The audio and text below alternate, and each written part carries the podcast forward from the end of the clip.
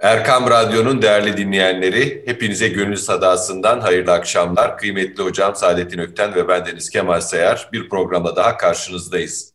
Hocam ötekine bakmak, ötekini anlamak bizim kendimizi daha iyi anlamamızı sağlar mı? Biz e, bir sohbetimizde şöyle bir şey söylediğinizi hatırlıyorum. Yani Batı'nın mimarisine bakarak Süleymaniye'yi çok daha iyi anladım. Süleymaniye'nin hikmeti sebebini, e, üzerine bina edildiği düşünceyi, felsefeyi çok daha iyi anladım demiştiniz. Bu görüşlerinizi biraz tavsiye etmenizi istirham etsem. Estağfurullah. Peki efendim, hayır, bir gayret edelim inşallah. Ee, benim maceram şöyle, ben yani kendi gök kubbemizin içinde doğmuş bir kimseyim.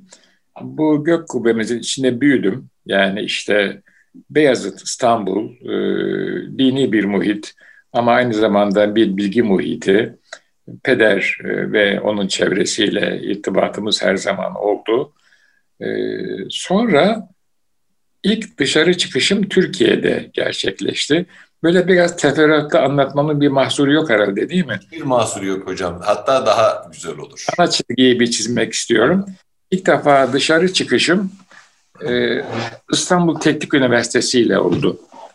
Şöyle ki yani ben Vefa Lisesi mezunuyum. Vefa Lisesi'nde de bir batı vardı ama o bize ait bir batıymış. Onu gör, gördüm yani muallimlerin e, anlattıkları bir batı vardı ama hayatları ve hayata bakışları batılı değildi. Ama İstanbul Teknik Üniversitesi'ndeki hocalar gerek öğrencilik yılların sonraki akademik hayata geçişim sırasında onu gördüm. Hocaların hayatları da batılıydı. Çizdekleri dünya da batılıydı. Hatta e, şöyle söylüyorum yıllar sonra, yani modernist bir batı ama e, Türkiye'de var bir adacık gibi bir şey yani.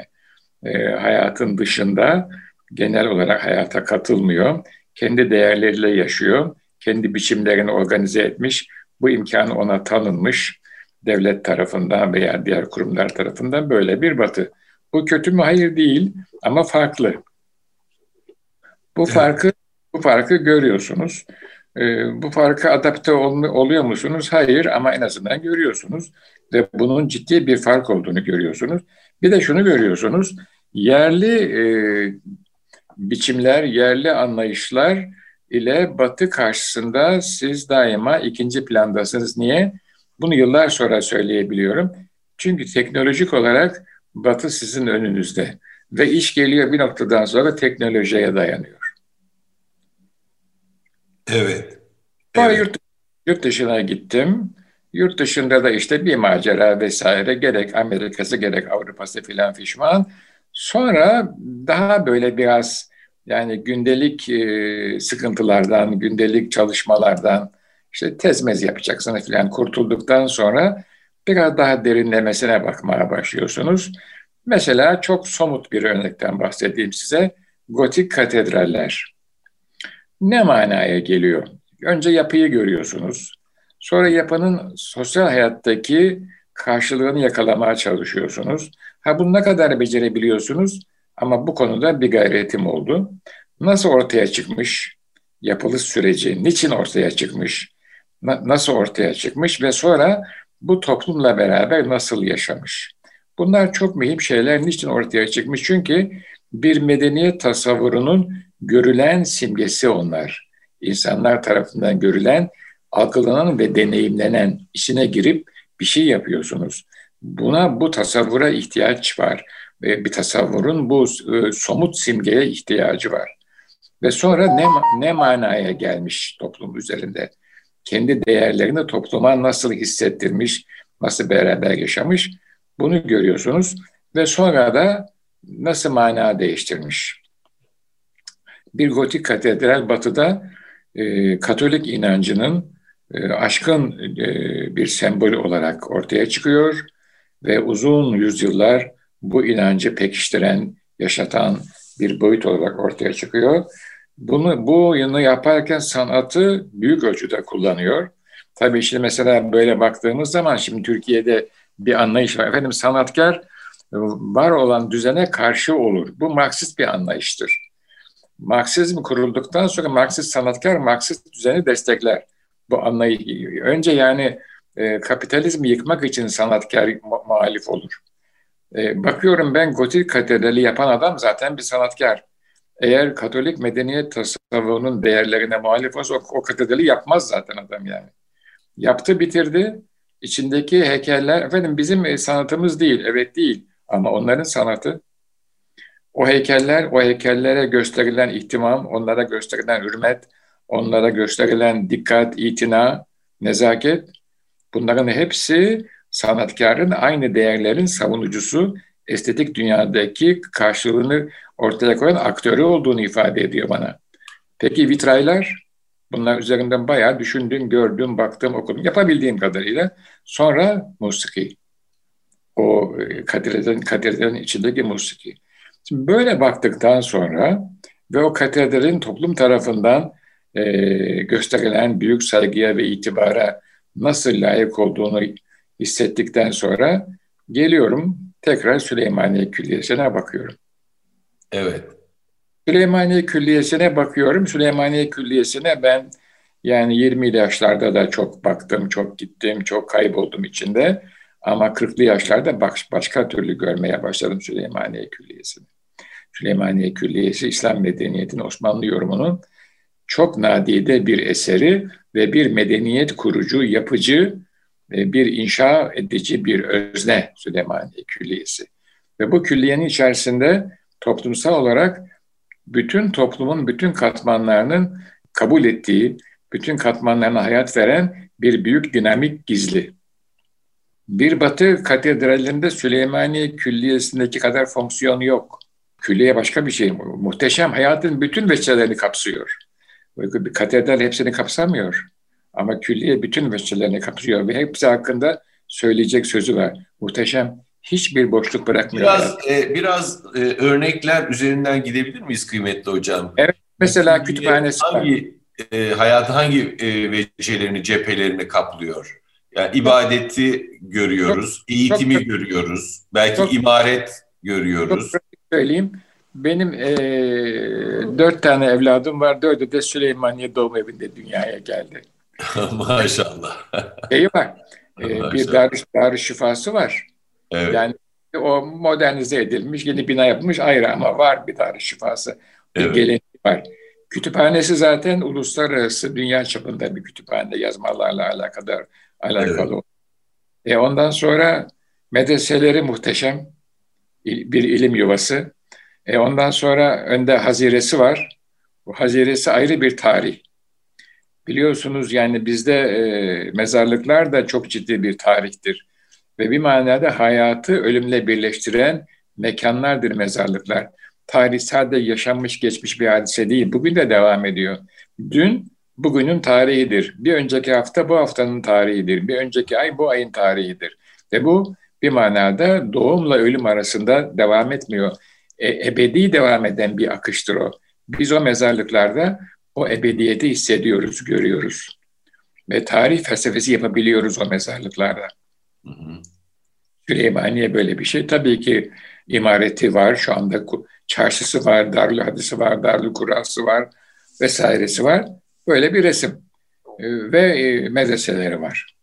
Şimdi e, böyle bakıyorum, diyorum ki bu Süleymaniye'nin cemaati, bu Süleymaniye'nin mimarisi, tezinatı, musikisi, ritüelleri bir batı katedrali kadar e, zengin değil. Niye? Çünkü zamanımızda hayatın dışında duruyor Süleymaniye. Bunu hayatın içine nasıl çekebiliriz? Nasıl çekmeliyiz? Şehre bakıyorsunuz, Süleymaniye şehrin içinde bir mana ifade ediyor. Böyle baktığım zaman mesela e, Ortodoks ki o zaman daha Hristiyanlık, Ortodoks henüz daha yok. Hristiyanlığın pagan Roma'ya karşı zafer kazandığı e, dönemin simge yapısı Ayasofya. O da şehrin içinde. Bunlar manastır değil, şehrin içinde, hayatın içinde var olan, hayatla beraber yaşayan ve hayatı dirilten, hayatı yaşatan büyük mekansal kurgular. Bu mekansal kurgulardan bir tanesi Ayasofya. bir tanesi Süleymaniye. Bunlar şehrin içinde. Peki şehir nerede? Şehrin giderek e, kaybolduğunu hissediyorum maalesef. Dolayısıyla yani e, bu bütünlüğü katedral şehir, katedral, katedral medeniyet, katedral sanat, katedral e, hayat bütünlüğünü gördüğüm şehirlerdi. Bir tanesi Köln, bir tanesi Viyana. Yakalayabildim.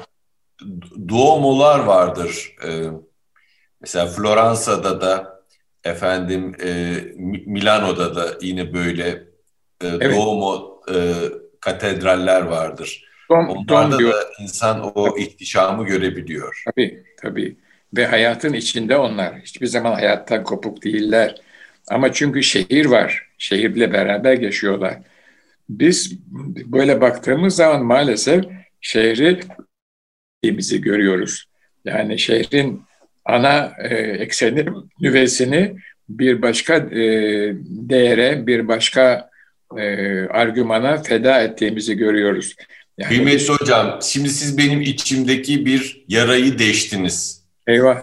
Ee, ben e, şehrin en mutena, en güzel, en değerli kabul edilmesi gereken e, Süleymaniye etrafının nasıl bu kadar mezberilik olduğunu yıllar yılı hiç anlayamamışımdır.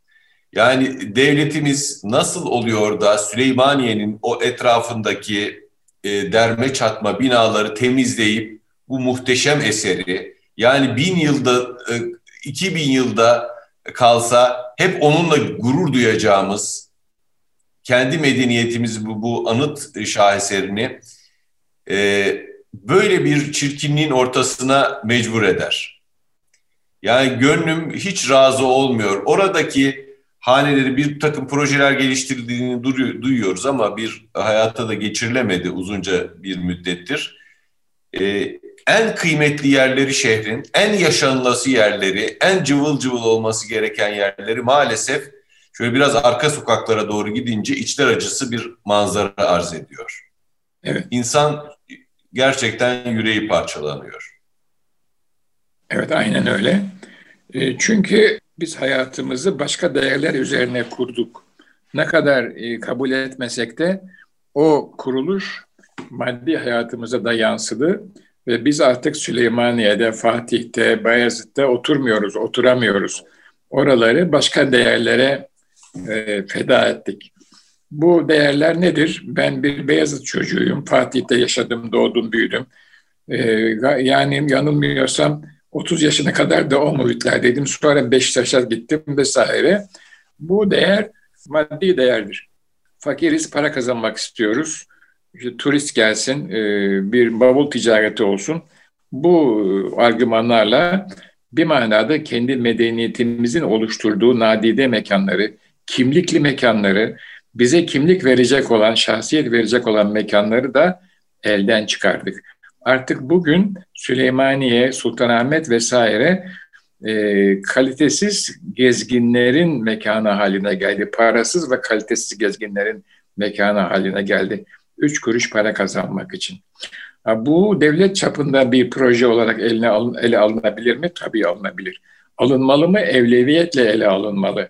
Ve oraları tekrar renove edilerek, rehabilite edilerek, yeniden kimliklendirilerek kendi medeniyetimizin değerleri istikametinde hayata kazandırılmalıdır. Bu iş sadece şahsın veya sadece sivil toplumun yapabileceği bir iş değildir. Ana planlamayı destekleyecek olan devlettir. Ve o büyük bir örgüt olarak gereken maddi yardımı yapacak, yasaları çıkaracak ve ona göre de talimatnamelerle yepyeni bir hayat tarzı ortaya koyacak. Çünkü o yapı bizim adeta büyük hayat maceramızın, o, o hayat macerası Diyar Rum'da, Konstantinopolis'te tutunmamızın sebebi olan büyük evet. bir umut yapıdır. Ondan evvel bizim bu me- mekanda tutunmamız mümkün değildir. Ee, bir ara parantez olarak söyleyeyim. Tarihi yanımada ki eski tabiriyle Nefsi İstanbul. Bütün Bizans koloni şehrinin Konstantinopolis'in ve İstanbul kalbi olan bölgede ki dönüşüm yani bir e, Ortodoks e, Hristiyan medeniyet tasavvurundan bir Sünni İslam tasavvuruna dönüşmesi tarihi yarımada 10 tane padişah külliyesinin inşa edilmesiyle mümkün olmuştur. Ve bu 250 sene alıyor. İlk külliye e, külliyeye dönüştürülmesi başlanan Ayasofya ama ilk Osmanlı Külliyesi Fatih Külliyesi 1460'lar.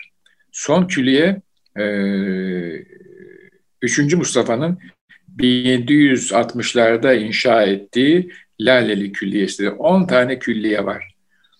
Bu külliyeler hayatı domine ediyor, düzenliyor, e, ayarlıyor. Herkese hitap ediyor. Fakire, fukaraya, zengine, entelektüele, hastaya, herkese hitap ediyor. Bütün so sosyal kesimlere hitap ediyor. Esnafa, ilim adamına, din adamına, herkese hitap eden büyük sosyal yapılar bunlar. Bu yapıları böyle gördüğümüz zaman biz ancak külliye fikrine sahip olabiliyoruz. E, ve bütün bunların hepsi tek bir medeniyet tasavvuru, tek bir otoriteyle idare ediliyor. Bugün bir külliyeye baktığımız zaman biz külliyede bütünlüğü göremiyoruz. Camisi bir başka kuruma bağlı, medresesi bir başka kurumun e, kahvesi varsa kahve haline getirmişler. Alttaki odaları ticarethane yapmışlar. Oraları bir başka kurumun vesaire. Halbuki böyle değil. Külliyenin bir vakıfı var, bir mütevellisi var ve bir kurallar bütünü var. Vakfiyesi var. Çok mühim. Ve bu vakfiyenin bir felsefesi var. Bir inanç temeli var arkasında. Şunu söyleyerek hemen mesele çünkü derin kapatayım. Bu geçenlerde de büyük bir siyasi mesele oldu Ayasofya'nın açılışında. Vakıf yani vakfeden e, diyor ki e, bir manada benim vakıf şartlarım şunlar şunlar şunlar. Bu şartlar uyacaksınız. Şimdi insan özgür. Uyabilir, uymayabilir. Müeyyide koyması lazım. Nasıl müeyyide koyacak? Şimdikiler diyorlar işte mahkemeye git şu kadar tazminat ver. Vakıfın müeyyidesi öyle değil. Vakıfın müeyyidesi çok enteresan bir müeyyide. Diyor ki sizi manevi olarak Allah'a şikayet ediyorum. Ve böyle yapmazsanız Allah sizi sevmesin. Allah size buz etsin. Allah sizi kendinden uzak tutsun. Şimdi böyle bir müeyyide çok etken, etkin bir müeyyide. Kime? Allah'a inanan, vakıfla aynı değerleri paylaşan bir ruh için çok mühim bir şey. Ve Allah'ın lanetini diyor, celbedin diyor yani. Allah sizi istemesin, sevmesin, size uzak dursun, sizi kenarda tutsun, sizden hoşlanmasın. Böyle bir müeyyide var e, vakfiyelerde. Bu dünyanın e, duygusal boyutunu yakaladığımız zaman biz zaten o mazinin devamı oluyoruz. Ben şunu çok net ifade edeyim. Değişen şey sadece e, maddi koşullardır, maddi şartlardır. Bugün işte şu şapkayı giyiyoruz, öbür gün öteki takkeyi giyiyoruz, şu ceketi çıkarıp öbür hilati giyiyoruz. İç dünyamız aynı olması gerekiyor değerlerimiz. Ve bu mekanlar bizi o değerler noktasında sabit kadem tutuyor. Mekanıyla, mekandaki ritüeliyle, mekandaki yaşama tarzıyla. Bugün biz Süleymaniye Camii'ne gittiğimiz zaman 300 sene evvelki büyük dedemizin halinde değiliz. Yani zahi zahiren ama ruhen aynı haldeyiz. Aynı halde olmamız gerekiyor. Aynı değerlere bağlı olmamız gerekiyor. Biçim değişir ama öz değişmez. Aynı tebrik... Ahmetli Mehmet Genç Hoca sizin çok kıymetli Oo, e, Mehmet ağabeyiniz evet. e, e, kıymetli hocamız e, derdi ki çok sıkıldığım zaman gidip Süleymaniye Camii'ni arkadan seyrediyorum. 20 dakika seyrettikten sonra yeniden e, uyanmış gibi, yeni uykudan kalkmış gibi, yıkanmış gibi diri hissediyorum kendimi. Evet, evet. Yani Süleymaniye diyordu, e, Beethoven senfonisi gibi, Wagner operası gibi e, diyordu. Evet. Ama işte hocam o gözle, o kalple Süleymaniye'yi seyredebilecek bir yürek açıklığı da lazım. E Süleymaniye baktığında o muhteşem abideyi görebilecek bir uygarlığın e, muazzam dirilişini hissedebilecek yürek de lazım. Yoksa Süleymaniye'ye bakan yani bir e, herhangi bir mabet de görebilir. Ama işte onu da insanları yetiştirmek, ona göre eğitmek icap ediyor. Bu başlangıçtan itibaren böyle oluyor. Ben belki şöyle düşünüyorum kendim hakkında da. Yani küçüklüğümden itibaren bana Süleymaniye üzerinde özelinde konuşuyoruz. Yani onun hususiyetleri, güzelliği eğitilmeseydim ben belki batıda bunun karşılığı olan nedir diye bir gotik katedrale öyle bakmayabilirdim. Ama o hassasiyetle gittiğiniz zaman onu onu arıyor ve onu yakalıyorsunuz. Ve diyorsunuz ki bak işte burada da böyle bir şey var. Okumaya başlıyorsunuz, incelemeye başlıyorsunuz. Onun toplumsal karşılığını görüyorsunuz. İnsanlarla ve toplumla olan ilişkisini yakalıyorsunuz. O çok önemli bir şey. Bugün bizim artık Süleymaniye ile ilişkimiz yok. Kesilmiş vaziyette. Yeni bir ilişki üretemiyoruz. Eskinin üzerinde devam ediyoruz. Halbuki bizim bugün Süleymaniye ile her an yeniden deneyimlememiz lazım. Yeni ilişkiler üretmemiz lazım. Bizim çocuklarımızın, torunlarımızın, hanımlarımızın, beylerimizin bu deneyerek olur. Bu bir manada yaşayarak, onunla beraber bulunarak olur. Çünkü zaman geçiyor. Batı bunu üretiyor. Batı bununla alakalı resim yapıyor, şiir yazıyor, müzik üretiyor. Hayatın içinde bu katedral öyle veya böyle var. Ee, bunun da özelinde yani toplumsal olarak böyle bir eğitim ile başlamak gerekiyor hadiseye. İyi sanatlar konusunda ruhu eğitmek. Evet. Ruhu evet. eğitmek. Evet. Güzeli algılayabilecek hale getirmek. Evet. Alıcılarınızın ayarlarıyla oynamayın diye bir söz vardı eskiden. Şimdi bizim alıcılarımızın ayarlarıyla oynayıp güzeli görebilir hale getirmemiz lazım. Kalbi, ruhu, onu içimize evet. alabilir. Süleymaniye'ye baktığımız zaman gönlümüzün coşabilmesi lazım. Ben bunu hayatımın bir döneminde Şeyh Galip şiirlerini okurken yaşadım ya. kıymetli hocam. Vakıf Kureba'da ne muhteşem bir nasip. Uzman hekimlik yapıyoruz. Ee, psikiyatri kliniği kurduk. Sağdan soldan bağış topladık. Hepimiz büyük gayretler içinde. Ee, ve çok güzel bir klinik e, yaptık. Hep de böyle kafa dengi arkadaşlar bir aradayız uzman olarak. Ben arkadaşları toplardım öğlen saatinde 4-5 arkadaşı. Onlara Şeyh Galip Divanı'ndan şiirler okurdum. Muhteşem. Ama yani e, okuyoruz beyit e, sonra da cuşu huruşa geliyoruz. Bir müddette onun yukarılara çıkmışız inme aşağı inmeyi bekliyoruz. E, o yüzden e, böyle e, çok gözlerim dolarak hatırlarım o anları. E, yani Galip merhuma da hep rahmet okurum. Bize bu hisleri verdi, bu hisleri yaşattı. E, kadim şiire de, kadim mimariye de bakarken e, o yürek zenginliğiyle, o yürek açıklığıyla bakalım ki onda olanı görelim. Yani taş, e, taşın içinde saklı heykeli, mermerin içinde saklı heykeli gördüğü gibi heykeltıraşın güzeli görmeye ayarlı bakışlarımız, gözlerimiz olsun. Ne dersiniz kıymetli hocam? Benim bu konuda bir arkadaşım var. Bu hayali bir arkadaş ama şöyle kolaj bir arkadaş bu. Bir kitabımda da yazdım Wilhelm. Bu bir batılı, bir modernist.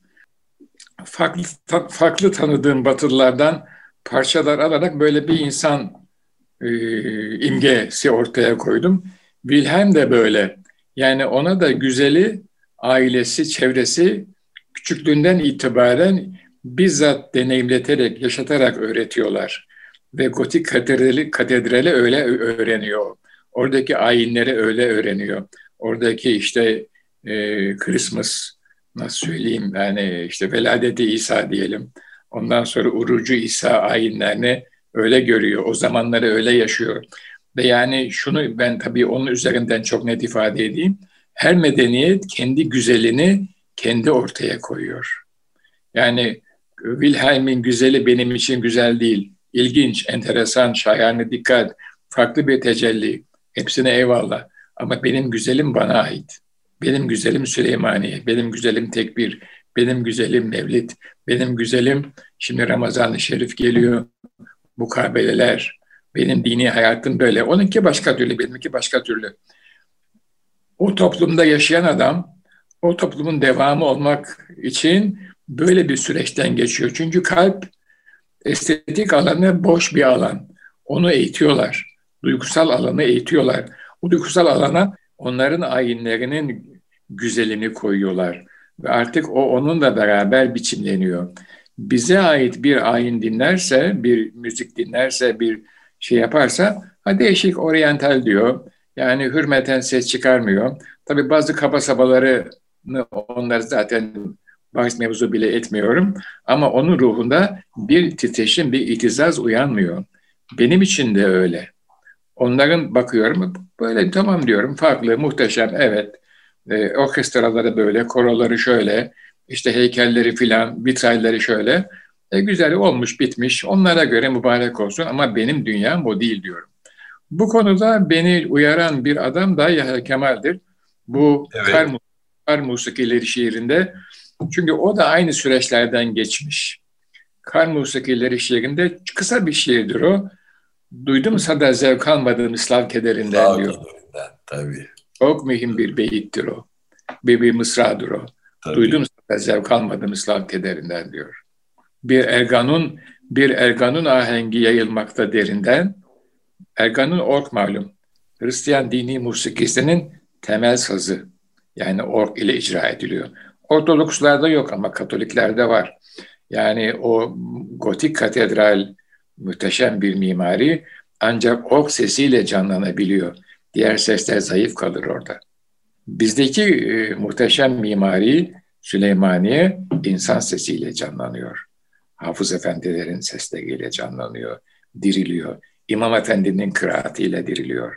Şimdi siz beni nerelere götürüyorsunuz yani? Böyle açıyorsunuz. Beyazıt Camii'nde namaz kılıyoruz. Mihrapta Hendekli Abdurrahman Efendi var. Tilavet nasıl olur? Yani vakar üzere nasıl okunur? Evet. Ne olur? Veya işte Nuri Osmaniye'de e, Hasan Hoca var, Hasan Akkuş Efendi var. Yeraltı Camii'nde Hafız Ali Efendi var. E bütün bunlara eriştik elhamdülillah. Yani bir imam mihrapta nasıl olur, mihrap nasıl doldurulur, nasıl temsil edilir? Bütün bunlar bize ait e, güzellikler. Ruh bunlarla yetiştiği zaman ötekine bakıyor tamam diyor ama benim güzelim başka bir şey. Biz bugün benim nesil... güzelim başka bir şey ama onun güzelliğini de zemmetmiyor. Onun Etme... kendi güzelliğini de anlayabiliyor. Niye, niye edeyim ki? Tabii. Üstad e, Yahya Kemal diyor ki duydum diyor. Yani duydum evet. ama zevk almadım. Yani evet. duyabiliyor o kederi, evet. işitebiliyor, evet. hissedebiliyor. Evet, evet. Ama evet. zevk almıyor. Çünkü o bize mahsus olandan zevk alıyor. Evet, aynen öyle. Öyle yetişmiş çünkü. Ee, Ergan'ın ahengi yayılmakta derinde. Hakikaten muhteşem bir sazdır. Duydum sada zevk almadım Slav kederinden diyor. Yani biz bugün nesillerimizi kendi zevkimize göre maalesef yetiştirmiyoruz. Bunlar kitapla olmaz, bunlar sözde olmaz. Bizzat mekanda ve özel zamanlarda bayram sabahı, Kadir gecesi. Mesela benim iki tane Kadir gecesi Eyüp Sultan'da sabahlamam vardır. İnsanların arasında karışarak, kaybolarak. E bunlar çok mühim şeyler. Hocam çok güzel. Ne olur bunu da bize bir anlatın. E, çünkü yaşanmış şeyler üzerinden bazı şeyleri anlamak çok daha kolay oluyor, daha güzel oluyor, daha tesirli oluyor. Şu kaybolduğunuz akşamları da anlatın, programı öyle hitap erdirelim. Peki efendim, şöyle yapalım isterseniz. E, bu 80'li yıllar, demek işte 40'lı yaşlardayım. E, yaz Ramazanı ve şey var, e, sıkı yönetim var. Şeye çıkmak belli bir saatten sonra galiba 12 veya 1 neyse e, dışarıda bulunmak şey yasak. Gittik. E, bir tanesinde Ma ile gittik. Çocuklar da var, hanım da var. Bir tanesinde biz Ziya abi ve diğer arkadaşlarla gittik filan. Çocuk, çocuklarla olanı anlatayım isterseniz. İki tane büyük çocuk var, öbürleri küçük onlar yoktu. Biz dört kişiyiz. Herkes kayboldu bir köşede. Şimdi çocuklar da enteresan yani. O zaman da işte 12'li, 13'lü, 14'lü yaşlardalar.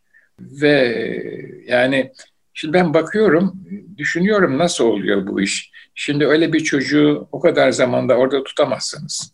Ama onlar durdular ve kayboldular. Kendileri de e, bir dünya kurdular kendilerine ve e, cemaatin arasında. Sonra e, dışarı çıktık. Türbe-i Şeref'in önü kalabalık zaten. Her türlü insan var. Polisler geldiler dediler ki şey bitiyor. 12'ye yaklaşıyor vakit artık veya 1'e yaklaşıyor. Lütfen gidin evlerinize sokağa çıkma yasağı var. Hafif bir mırın kırıntı oldu cemaatten. Sonra birisi dedi ki biz burada kalacağız. Dediler ki sabah 6'ya kadar dışarı çıkma yok tamam dediler burada kalacağız. Siz kapıları kapatın veya işte neyse barikatları koyun biz buradan gitmeyeceğiz. Şimdi ben bakıyorum çocuklar var, hanım var ve farklı insanlar var. Toplumun her kesiminden insan gördüm orada. Ama evet. herkes. Yani en en ekstrem e, burada söylemek hoş olmaz. E, hayatın en ekstrem yaşayan insanlardan da hı hı. E, şey yani menfi manada müspet manada en zahid, en sofu ve hepsi ve kendi başlarına. Yani artık gecenin o saatinde şey bitti.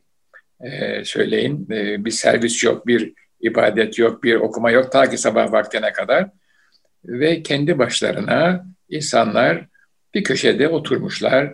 Ee, bir mırıltı yükseliyor böyle ve kendi hallerine. Yani onlara biraz baktım sonra utandım.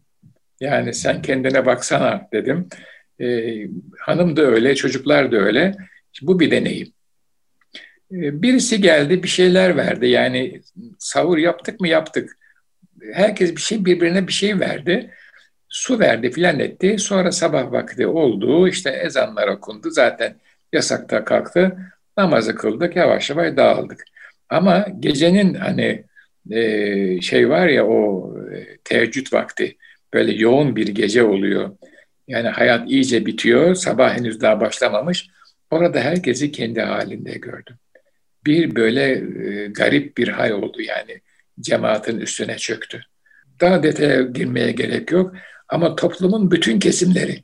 Şimdi öyle Çok bir mekan evet. ve öyle bir zamanda öyle bir mekanda bulunmasanız bu deneyimi yaşayamazsınız. Tabii. Ve bu bir, Ona ve bu bir, talip talip olmuşsunuz kıymetli hocam. Ve bu bir. Değil mi? Evet. Yani e, talip olunmuş e, şey o. Mesele zaten o taliplikte bence. Yani o e, çileye, o zahmete talip olduğunuz zaman o sabah namazının güzelliğine de erişiyorsunuz. Halbuki o, o onu o hücrede, o e, kısıtlı alanda geçirmenin zahmetine talip olmasanız o zor zamanlarda böyle bir nimete de gark olamayacaksınız. Ve gecenin o işte 3-4 saatinde herkes yalnız da adeta. Kalabalık ama herkes yalnız. Herkes kendisiyle bir başka dünyanın içindeydi. Bir mırıltılar. Başka bir aleme gitmiş gibiydi. Evet başka bir aleme gitmiş gibiydi. Sanki böyle bir şey çökmüş yukarıdan aşağıya bir sekinet ve herkes kendisiyle baş başaydı. Bir muhasebesini yapıyordu. Sonra tekrar birbirleriyle ilgilenmeye başladı insanlar. Öyle veya böyle yanlış yaptın, doğru yaptın, git oraya gitme, böyle etme filan gitme. Ama o arada bir başka e, hal zuhur etti. Mesela inzibat kuvvetleri de burayı boşaltın gidin demediler. Biz dediler burayı çeviririz, buradan dışarı çıkmayın. Ama e, gece şey vakti burası bir mekandır. Sokağa çıkma yasağı da yerine getirilmiş olan yasağın hükmü. Böyle bir zaman geçirdim. E, şey böyle. Ne güzel. Çok e, hoş bir hatıra. Kıymetli hocam söz uzadı. Programın süresini de doldurduk. Aslında söylenecek laflar var ama bir sonraki programımıza inşallah saklayalım.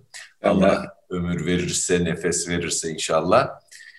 Ee, gönlünüze bereket. Sağ olun, Sağ olun, var olun. Kıymetli Erkam Radyo dinleyenleri bir gönül sadasının daha sonuna gelmiş bulunuyoruz. Hepinize hayırlı akşamlar diliyoruz.